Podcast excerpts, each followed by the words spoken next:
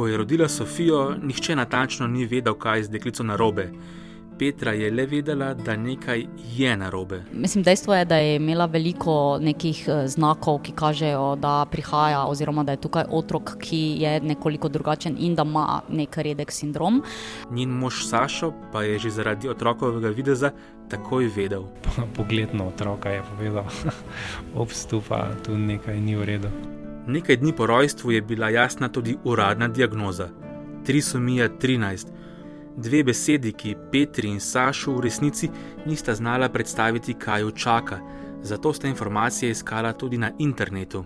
V bistvu nam to nič ni povedalo, ne, ta diagnoza. To, to je pač bila trisomija 13, potem greš na, na internet in iščeš in vidiš, da pač so ene hude oblike, so pa tudi ene oblike, kjer je recimo. Um, ne vem, mi dva smo celo fantazirali, da ja, mogoče bo šla samo v posebno šolo in e, podobne neumnosti. Ne. Recimo, to, mi, mi, mi, ki imamo bolj prizadete otroke, rečemo, da je to super, to so v bistvu čisto normalni. Ne.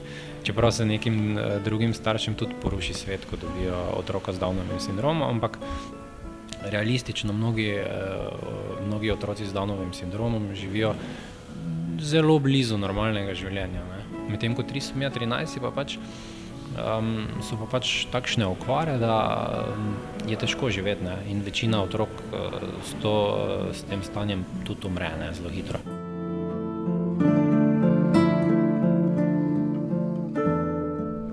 Pogled v številke kaže, da Downov sindrom ni tako zelo redek. V grobi oceni se pojavi eden na približno tisoč porodov trisomiji na 13. in 18. kromosomu pa sta bolj redki tako po pojavnosti kot po dolžini preživetja. Petra in Sofija sta se po začetnem bivanju v Mariboru kmalo preselili v Ljubljano.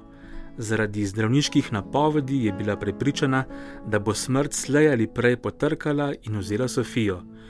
Tega si v nekem trenutku celo želela. Ta trenutek je bil ravno v Ljubljani, uh, ravno to, kar se mi je zdelo, da sem se po dveh tednih lahko malo sprostila, zato ker so oni povsem prevzeli uh, svoje delo. Uh, res je parkrat kazalo na to, da bo umrla, in uh, glede na to, da po noči recimo, uh, si moramo predstavljati, matere kličejo, da ko otrok pač uh, prej uh, se zbudi in ga ti prideš nahraniti.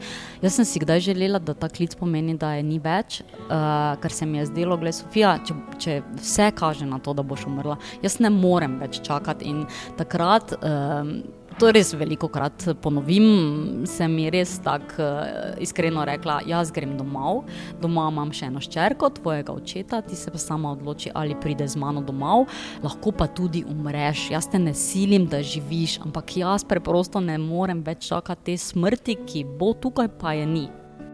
Sofija pa je v nasprotju z napovedmi živela in kljub številnim težavam tudi preživela. In potem smo pač tega ubogega otroka prinesli domov, ne, kaj češ. Uh, in potem smo ga dala v, v posteljico, in je ta ubogi otrok nekako živel. Nekako je živel. Sofija je imela na začetku precej težav, zaradi katerih si je Saša včasih zaželel, da bi umrla. Takrat na začetku jaz nisem tako razmišljal, sem pa bolj uh, razmišljal vmes, uh, ko so bile epizode teh njenih hudih bolezni. Uh, imela kronično vnetje ušes, um, potem pljučnice, uh, potem so se začeli uh, uh, zelo intenzivni uh, epileptični napadi, zaradi katerih je nehala dihati, srce se je zaustavilo, torej v bistvu je praktično umrla. Ne? In mi smo mislili, da je, da je umrla, uh, ker, ker nismo uh, vedeli. In to je v bistvu, ja, um, takrat sem razmišljal, ja, da bi v bistvu boljše, če bi, če bi umrla. Ne. Starša sta nekajkrat mislila, da je Sofija res umrla. Ja, čist je nehala dihati, eh, pomodrela, torej v bistvu, da je umrla. Ne. In nismo vedeli, in potem je Petra seveda nosila bolj po stanovanju tega otroka. Ja, umrla je, umrla. Um, potem pa je recimo čez pet minut zadihala. In to se je v bistvu večkrat uh, ponovilo, v bistvu večkrat nas je tak, tako naplahtala, ne, da rečem kar je povzročalo uh, full stres, ne, hud stres. In uh, seveda, ne, ker, ker ne veš, kaj je narobe, ali je zdaj to to, ali še to ni to. V bistvu, če ti otrok umre, vse veš, ne, je umrl, ok, če živi, živi, tukaj pa je tako nekaj vmes, ne, nikoli ne veš. Uh, v glavnem, same take um, težke situacije. um, kjer, kjer ne veš, ali bo otrok šel ali bo ostal. A otrok je ostal. Na srečo je pa zanimivo in všeč mi je, da, da pa mož včasih reče: Veš, ne vem, ko je vmes uh, bila kaj bolna ali pa ni česa zmogla. Uh, kakšno življenje je to?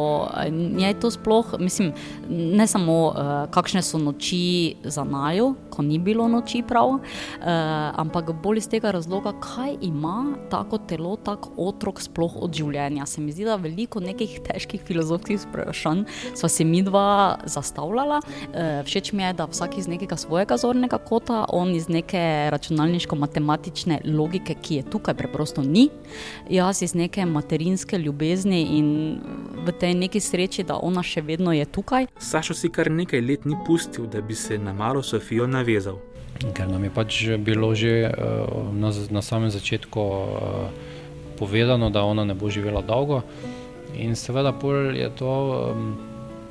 Bolj pač pričakuješ nekako to smrt. Ne? In zdaj ne veš, kdaj bo to, bo to v prvem letu, bo to v drugem letu, bo to pri petem letu. Ne? Nekateri ti otroci umrejo po 15 letih, ne? torej 15 let živijo z družino, pa potem umrejo, nekateri umrejo v prvem letu. In pol v bistvu ne veš, um, pol po nekaj letih, ko ti postane jasno, da vseeno bo ta otrok živel, pa nekako to sprejmeš in eh, sprejmeš tega otroka kot svojega in ga vključiš v družino. Ne? In seveda potem, ko umre, ker dejansko bo umrl, prej ti bo pa toliko teže, ne? ampak tako pač je. Ne?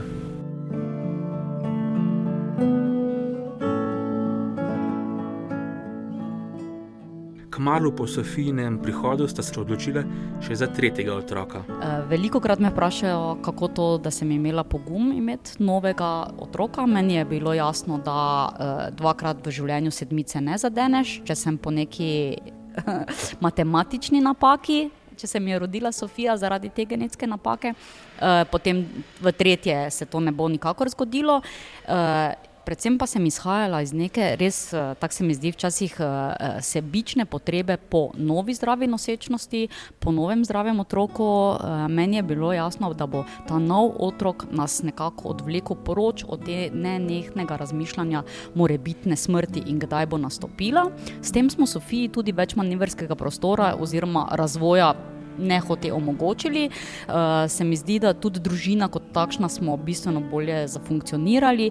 Tako da mislim, na, na dolgi rok smo še z tem nekim, ne vem, mogoče sebičnim dejanjem mojim uh, resnično pridobili in v tistem obdobju mene ni bilo strah. strah.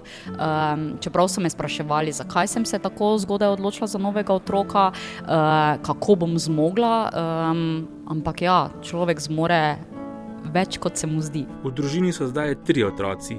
Sestrama Sinji in Sofiji se je zelo kmalo pridružil še bratec Leo. Kako zdaj Sinja in Leo gledata na sestrico? Ja, e, všeč mi je, ker Leo reče, da je njemu čudno samo to, da je punca in ne govori čeprav reče, amam, mama in podobno. To, uh, v bistvu pa je sinji bilo zelo težko na začetku. Jaz sem bila vedno iskrena z njo, ko sem Sofijo pripeljala domov, tudi če je bila stara 4 leta in nekaj. Kaj pomeni, da v bistvu se mi ravno na ta nek normalen način vse zdelo, se mi je, uh, da starejši ljudje, da uh, živali umirajo, da tudi kdaj ti otroci, ki so uh, bolni in imajo težave s srcem, ne vem, kakorkoli, tudi umirajo. Um, ja, kako otroku štiriletnemu razložiti, da sestrica, ki se je rodila, lahko umre? In se mi zdi, da je bistvu, uh, ta neka uh, izredna ljubezen, navezanost, če reče sinja, da, da je Leo torej tretji posvojen, zato ker ji nagaja. se mi zdi, da ima uh, Sofijo res uh, tako zaščitniško zelo rada. Um, Leo pa pač, ker se je rodil zadnji, uh, gleda na situacijo kot takšna mora biti, ker sem se v ta svet rodil. In uh, v bistvu to mi je zelo všeč, ne, da za njim ni ne marsovec, ne drugačna, ampak posebna.